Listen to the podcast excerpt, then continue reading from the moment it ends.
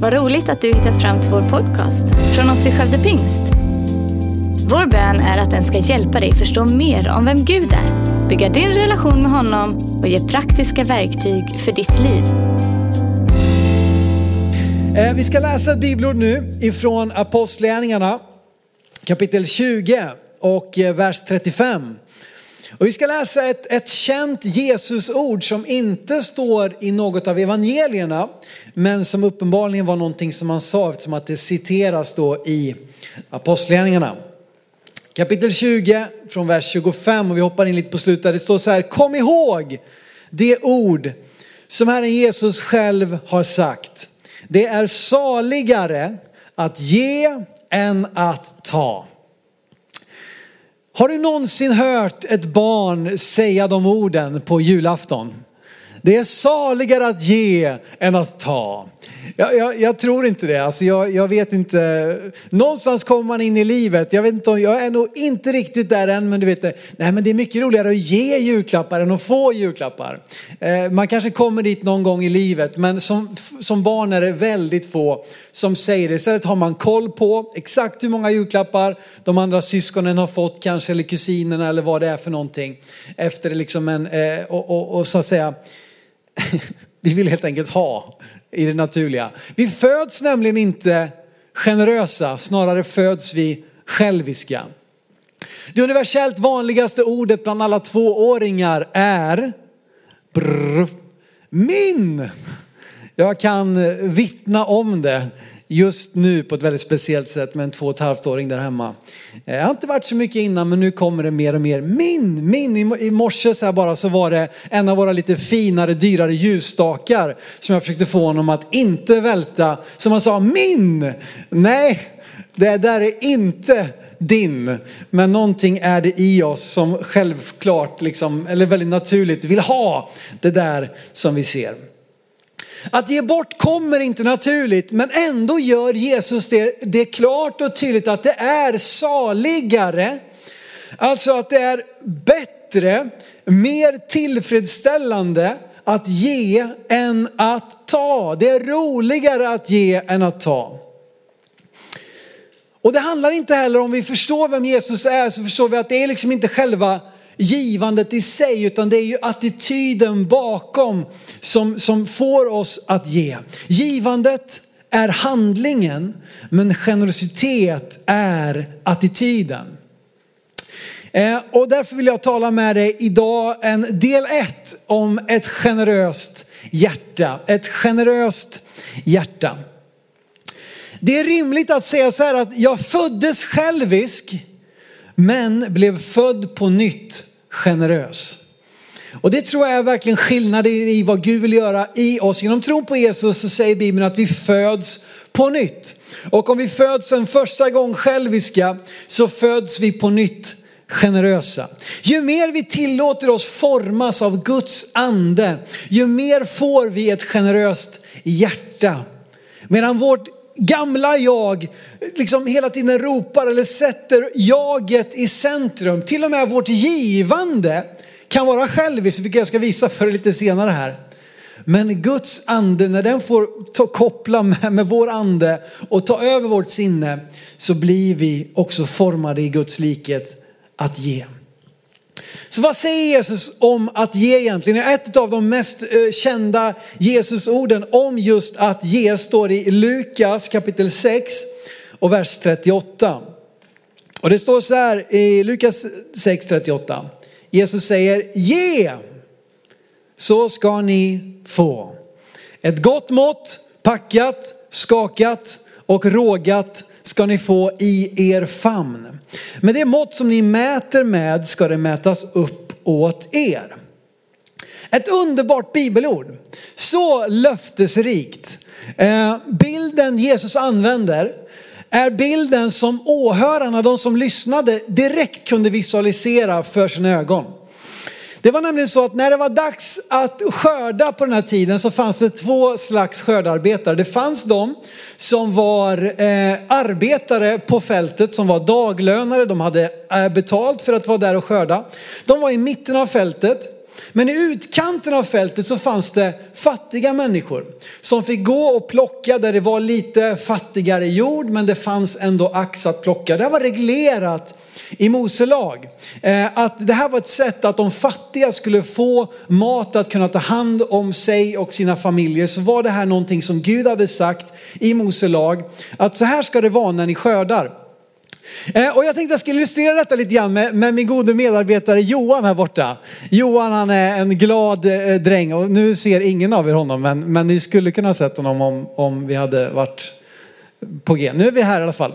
Här står Johan och eh, vad härligt Johan att få se dig. Jag vet inte om ni vet det men Johan han har alltså varit dräng i Böja. Jag vet inte hur många som har det på sitt CV men Johan har det. Han har varit dräng i Böja. Eh, och nu Johan, nu ska du få illustrera det här. Du får ta den här skålen här nu. Nu är Johan alltså en vanlig arbetare. Eh, och eh, då var det ju så helt enkelt att när man då gick ut för att plocka, eh, nu är det här liksom prima vara, det här är alltså bearbetat, men låt, låt säga att det här var ett havrefält. Så som arbetare, ja men då såg man ju till att fylla här skålen. Och när det var hyfsat där med, med havregryn, ja men då gick man till ladan och så tömde man ut där för att det sen skulle vägas, sorteras och paketeras. Som en vanlig arbetare, man jobbar på timme så det var inte hela världen hur mycket det blev.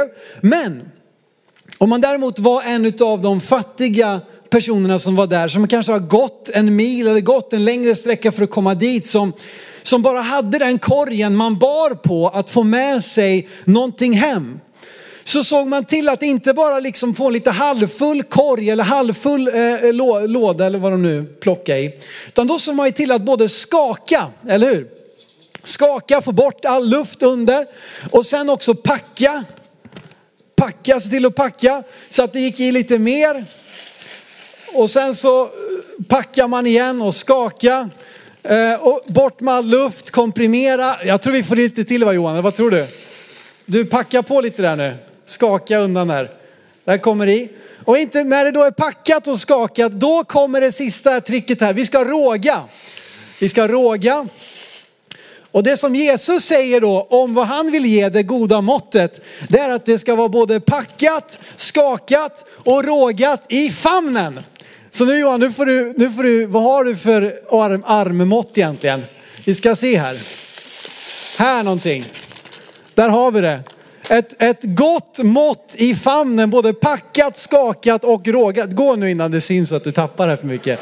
Så, så där såg det ut va. När, ar, när, när det här, de här människorna såg till att fylla sin, eh, sin skörd, sin korg.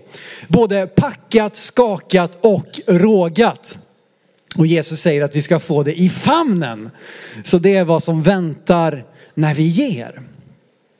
Problemet här med det här bibelordet är att vi allt för ofta har missuppfattat det här, eller vi har missbrukat hur vi har predikat om det här bibelordet.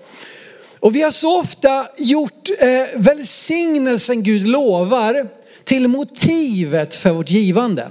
Förstår ni? Vi har sett det här packade, skakade, rågade måttet som Gud vill ge den som ger som han vill välsigna oss med. Och vi har gjort det till motivet för vårt givande. Alltså vi ger utifrån ett själviskt motiv. Att jag ska få och därför ska jag också ge. Men det andra vi missuppfattar också att vi tror att det här bara handlar om pengar. Jag tänker det handlar bara om pengar. Men det handlar både om givande och mottagande. Och om vi läser Jesu predikan så förstår vi att det handlar bara om en enda sak. Det han vill säga till oss det är ge, ge, ge. Det är hans budskap. Backa upp med mig ett par verser till vers 36. Och så läser vi så här då i sammanhanget här. Var barmhärtiga så som er far är barmhärtig. Döm inte så blir ni inte döma, dömda. Fördöm inte så blir ni inte fördömda. Förlåt så blir ni förlåtna. Ge så ska ni få. Ett gott mått, packat, skakat, rågat ska ni få er famn. Med det mått som ni mäter med ska det mätas upp åt er. Ja, detta är en princip som gäller pengar, men det gäller också förlåtelse. Det gäller också att du kan ge barmhärtighet och det är det du kommer få tillbaka. Du kan ge någon en andra chans. Då tror jag andra människor kommer vara mer villiga att ge dig en andra chans. Vad än du ger kommer att ges tillbaka till dig i ett gott mått, packat, skakat och rågat. Vad Jesus predikar är att vad du än ger kommer du att få tillbaka i överflöd. Och det handlar både om det som är gott och ont. Fördömer du andra, talar illa om andra, är missunnsam gentemot andra och så vidare, kommer det komma tillbaka. Det är lagen om sådd och skörd. Som man sår får man också skörda, eller det svenska uttrycket kan, jag vet inte om det är svenskt i och för sig, men som man bäddar får man ligga va? Det känner ni till. Eh, och grejen är så här att det är en väldigt stark bild. Det är, det är precis som, tänk att du tar ett, ett äppelfrö, en äppelkärna och sätter den i, i marken som är liksom en god näringsrik mark. Så kommer den här kärnan kunna växa upp, bli ett stort träd som i sig självt bär på mycket frukt. Var, varav varje frukt både kommer kunna ätas men också ha kärnor i sig som i sin tur kommer kunna eh, växa och, och, och bära frukt. Alltså det finns någonting i detta att Gud har en tanke om att det ska få växa till, att det ska få bli ett överflöd. Eh, och du skulle gärna kunna backa upp och läsa ända från vers 30 om du vill för att se hela sammanhanget. Så ser du att Jesus, han, liksom det här Jesus ska ni få, det är bara slutet på hela det här sammanhanget. Ingenting i Bibeln lär oss att vi ska göra vår egen vinning till motivet för vårt givande. Gud vill nämligen inte att du ska få tag om visionen att få. Han vill att du ska få tag om visionen att ge. Det är det som Gud vill att ditt hjärta ska bli fullt av. Att få vara med och ge. Att få vara generös. Att få dela med dig. Att få välsigna andra. Och det är också sant att när du gör det så kommer du också få någonting tillbaka. Men det är inte motivet för dig, nämligen hjärtats motiv gör hela skillnaden. Vi kan nämligen ge själviskt, men vi kan också ge utifrån ett generöst hjärta. Ordspråksboken 16 och 2 i den engelska översättningen NIV står det så här. All a person's ways seem pure to them, but motives are weighed by the Lord. Alltså en persons väg alla en persons vägar kan verka rena för dem, men Gud väger och prövar hjärtats motiv.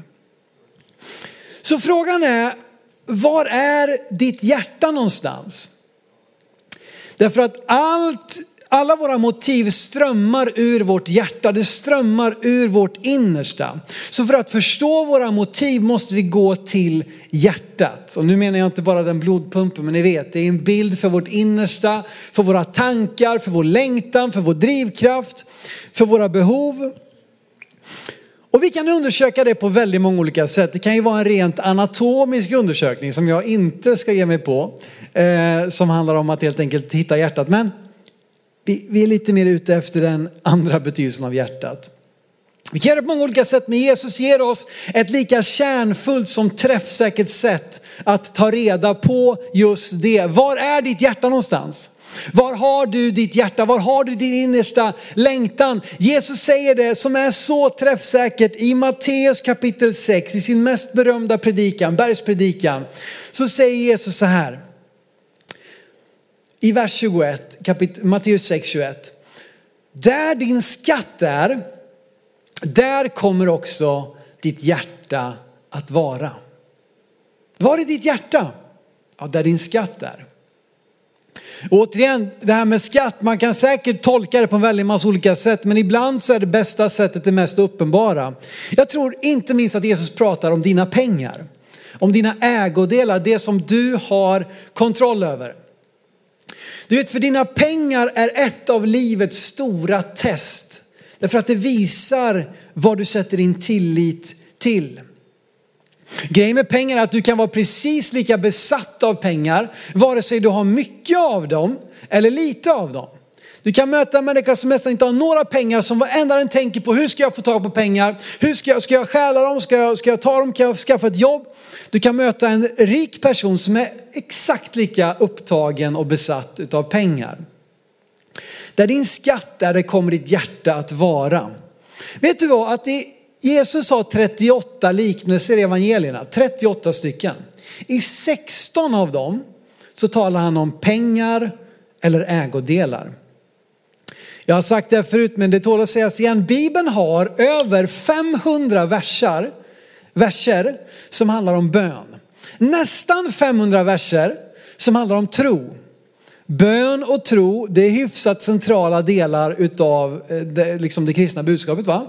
Eller Den kristna tron. Bön och tro, ja det är rimligt. 500 versar drygt om bön, 500 versar knappt om tro.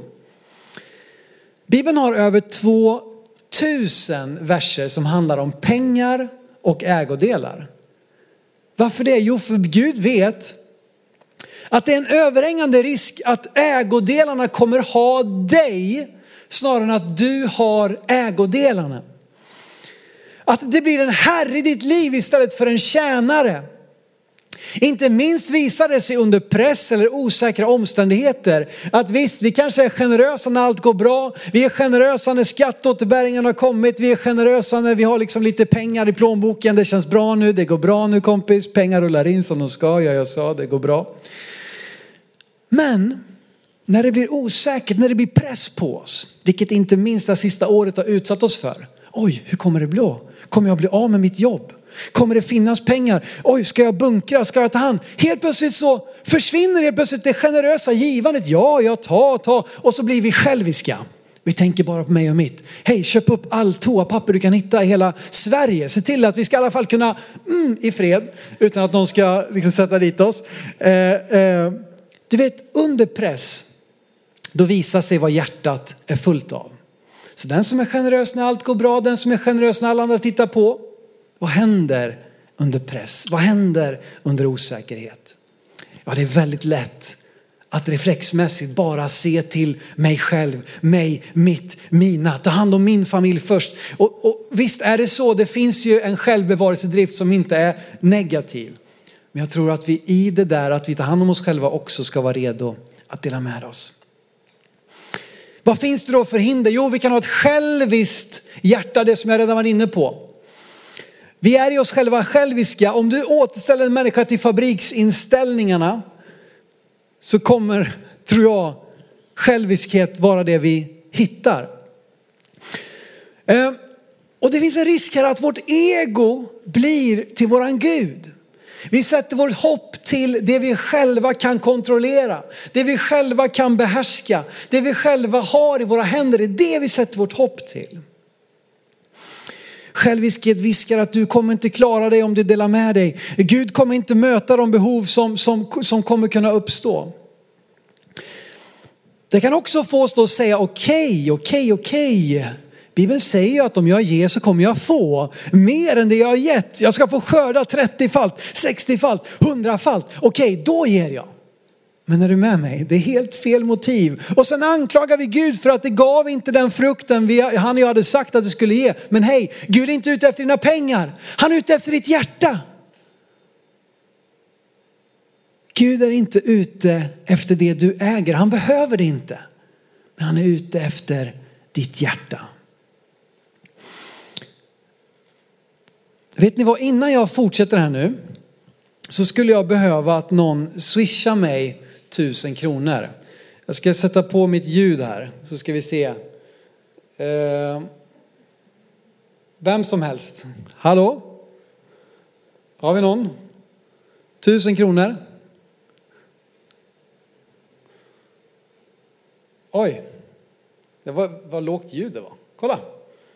Måste jag bank-id här och så vidare. Jag ska bevisa. Det kom faktiskt tusen spänn här. vad skönt. Slapp vi vara kvar hela dagen. Eh, här, kan vi zooma in här eller? Har du den? Chris? Titta, titta, titta. Jajamän, ser ni? Tusen kronor. Zacharias Näslund, honom kan man lita på. Come on somebody. Tusen spänn, perfekt. Vet du vad? Utöver att ha ett själviskt hjärta så kan du ha ett grämande hjärta. Grämande, är det ens ett svenskt ord? Jag vet inte. Men grämelse är det och om, om man har ett hjärta som grämelse är, då borde det ju vara grämandes, eller? Eh, själviskheten kan attackera oss innan vi ger. Det får oss att nej, jag ger inte, jag delar inte med mig. Medan grämelsen attackerar oss efter att vi gett. Alltså efter att vi gett oss frikostigt så ångrar vi oss och tänker på vad vi kunde gjort för pengarna själva. Det är ett välkänt fenomen inom, inom försäljning. The buyer's remorse, köparens ånger. Vilket är inte minst de som jobbar med lite mer exklusiva varor har fått uppleva. Någon går och köper en dyr klocka och dagen efter, nej vad har jag gjort? Har jag lagt hela mina besparingar? Och, och du vet det här med ångerrätt och öppet köp och, och konsumentombudslagen, vad heter det? Konsumentköplagen. Eh, allt det här. Man vill gå tillbaka och ångra sig därför att efter att jag köpte någonting så vill jag göra någonting annat. Och det är likadant med givande, även om vi då inte, jag har inte varit med om det än så länge i alla fall att någon kommer och du, jag la en 500 i kollekten igår, kan jag få tillbaka den? Men nog har säkert många av oss tänkt så. Eh, och för att komma till rätta med det här så måste vi ha rätt perspektiv på våra pengar. Hur kommer det sig att Sakarias var så snabb med att swisha mig tusen spänn? Jag har en, en bekännelse att göra. Det var så att jag swishade honom tusen kronor innan mötet och sa till honom, Zacharias, när jag ber dig om det, kan du då swisha mig tusen kronor? Visst, sa han. Varför då? För han hade fått det innan, utav mig. Och jag bad, nu vill jag ha tillbaka dem. Han upplevde varken motvillighet, grämelse, själviskhet, inre konflikt när han gav mig pengarna. Varför då? För han visste att det var inte mina från början. Eller hur? Han har ett helt annat perspektiv på sina pengar. När Jesus har blivit herre i mitt liv, om han är herre i mitt liv, så innebär det att han är det över hela mitt liv. Jesus vill inte bara vara herre över en och en halv timme på söndag morgon. Eller över tio minuter andakt varje dag. Eller liksom vad det nu är för någonting. Eller ens dina 10 procent. Han vill inte bara vara herre över ditt tionde. Han är herre över hela våra liv. Och när jag därför bjuder in Jesus som herre i mitt liv, det är en ganska stor grej. Att då säga Jesus, nu får du tillgång till mitt liv. Och jag tror också som Jakobs brev säger att Gud är alla goda gåvors givare. Alltså det goda Gud välsignar mig med, det är gett av honom. Det goda jag har i mitt liv, det jag har att vara tacksam över, det är tack vare Gud. Han har välsignat mig. Och om det är hans från första början, då blir det inte heller så svårt att ge det tillbaka. Det blir inte så svårt att dela med mig när han ber oss göra det. Gud vill göra en hjärttransplantation i dig. Han vill förändra ditt hjärta och hur kan det då ske? Jo, jag tror att ett generöst hjärta som är det jag talar om idag, ett generöst hjärta är ett tacksamt hjärta. Gud vill byta ut mitt själviska, grämande hjärta mot ett generöst hjärta. Hjärta som delar med sig av det som jag har. Av det jag blivit välsignad med, det vill jag dela med mig av. Och kom ihåg, inte bara om pengar, även om pengar har vi lätt för att dela med oss av våra pengar, då tror jag vi kommer att ha lättare att dela med oss av andra saker också. Men det handlar inte om summor, det handlar inte om belopp, det handlar inte om vad du kan ge. Utan som vi har försökt att säga, det är hjärtats motiv bakom. Och den här generositeten, det kommer så naturligt när vi är tacksamma. Den jag är tacksam över, sagt det i alla hjärtans dag idag, säkert har många av er tänkt att ni ska ge någonting till någon som ni har kär. Och det kommer enkelt ofta, eller förhoppningsvis, därför att vi är tacksamma. Tacksamma för vår familj, tacksamma för någon som vi bryr oss lite extra mycket om. Och om du lär dig att få ett tacksamt hjärta, påminna dig varje dag vad du har, har att vara tacksam för. Tacksam att Gud har frälst mig. Tacksam att vi kan fira gudstjänst online. Tacksam för alla volontärer som gör det möjligt. Tacksam för nya barn som föds i vår gemenskap. Tacksam för den församling jag är en del av. Tacksam för nästa generation. Vet du vad, ibland kan vi tycka att det är väldigt vad de låter och syns och hörs, de här unga människorna. De, det ska vara på deras sätt och det ska vara deras stil. Men vet du vad, jag är tacksam för nästa generation att de överhuvudtaget har ett intresse av att vara en del av vår gemenskap, en del av vår församling och vill vara med och ge av sina gåvor, av sin tid, av sitt engagemang. Det är jag tacksam över. Tacksam för den mening som Gud ger mitt liv. Tacksam för den framtid Gud har planerat. Vi vet inte så mycket om den, vad exakt hur det kommer gå till, men jag vet att när jag går med Gud så har han hela mitt liv, hela min tillvaro i sin hand och han vill leda mig in i det som han har planerat. Ta bort tacksamheten så kommer du också ta bort generositeten. Därför att om vi inte är tacksamma, då tycker vi varför ska jag dela med mig? Vad har hon gjort mot mig som förtjänar att jag delar med mig? Vad har den här kyrkan gett mig? Vad har min arbetskamrat gett mig? Min chef, alltså den här chefen, de fattar ingenting. Men tänk om du istället skulle vara tacksam att ha en chef. Kanske du skulle ta med en vetelängd i veckan eller någonting coronasäkert. Dela upp det, plasta in det i olika förpackningar. Delicatobollar kanske i plastpåsar. Bara för att dela med dig och säga till din chef, säga till ditt arbetslag, jag är tacksam att jag får jobba tillsammans med er. Ett tacksamt hjärta är ett generöst hjärta. Hesekiel kapitel 11. Där profeterar Gud så här genom profeten Hesekiel. Ett underbart sammanhang som han upprepar två gånger i Hesekiel. Det står så här ifrån vers 19, Hesekiel 11, vers 19. Jag ska ge dem ett och samma hjärta och en ny ande ska jag lägga i deras bröst. Jag ska ta bort stenhjärtat ur deras kropp och ge dem ett hjärta av kött. Skillnaden som Jesus gör i våra liv är som en hjärttransplantation. Han vill ersätta vår själviskhet mot ett generöst hjärta. Och det börjar i att vi välkomnar honom in i våra liv, att vi gör honom till Herre i våra liv. Och säger Jesus, välkommen in i mitt hjärta. Den dagen, den, den stunden, den, den momentet du gör det kommer han att börja forma din personlighet. Jag tror också det kan vara en påminnelse för en del av oss som, som säger Jesus, du är i mitt liv. Jag vill tillhöra dig, jag vill följa dig. Men allt för länge har vi hållit allt för hårt om det som är mitt och mina. Och vad har vi gett så har vi gjort det för att vi ska få någonting igen. Men Gud vill bara att du ska få tag om hans hjärta som inte ger för vad han kan få, utan som ger bara för att ge. Tack för att du lyssnat. Dela gärna podden med dina vänner och glöm inte att prenumerera så du inte missar nästa predikan. Om du har några frågor eller vill att vi ska be eller tacka för något tillsammans med dig så får du gärna höra av dig till kyrkan skövdepingst.se. För oss är veckans höjdpunkt söndagens gudstjänst och det vore så kul att träffa dig där. Våra team finns då redo att ta emot dig och det finns även egna samlingar för barnen. Du hittar mer information om oss, vilka vi är och våra olika mötesplatser på skövdepingst.se. Gud välsigne dig och ha en fortsatt bra vecka.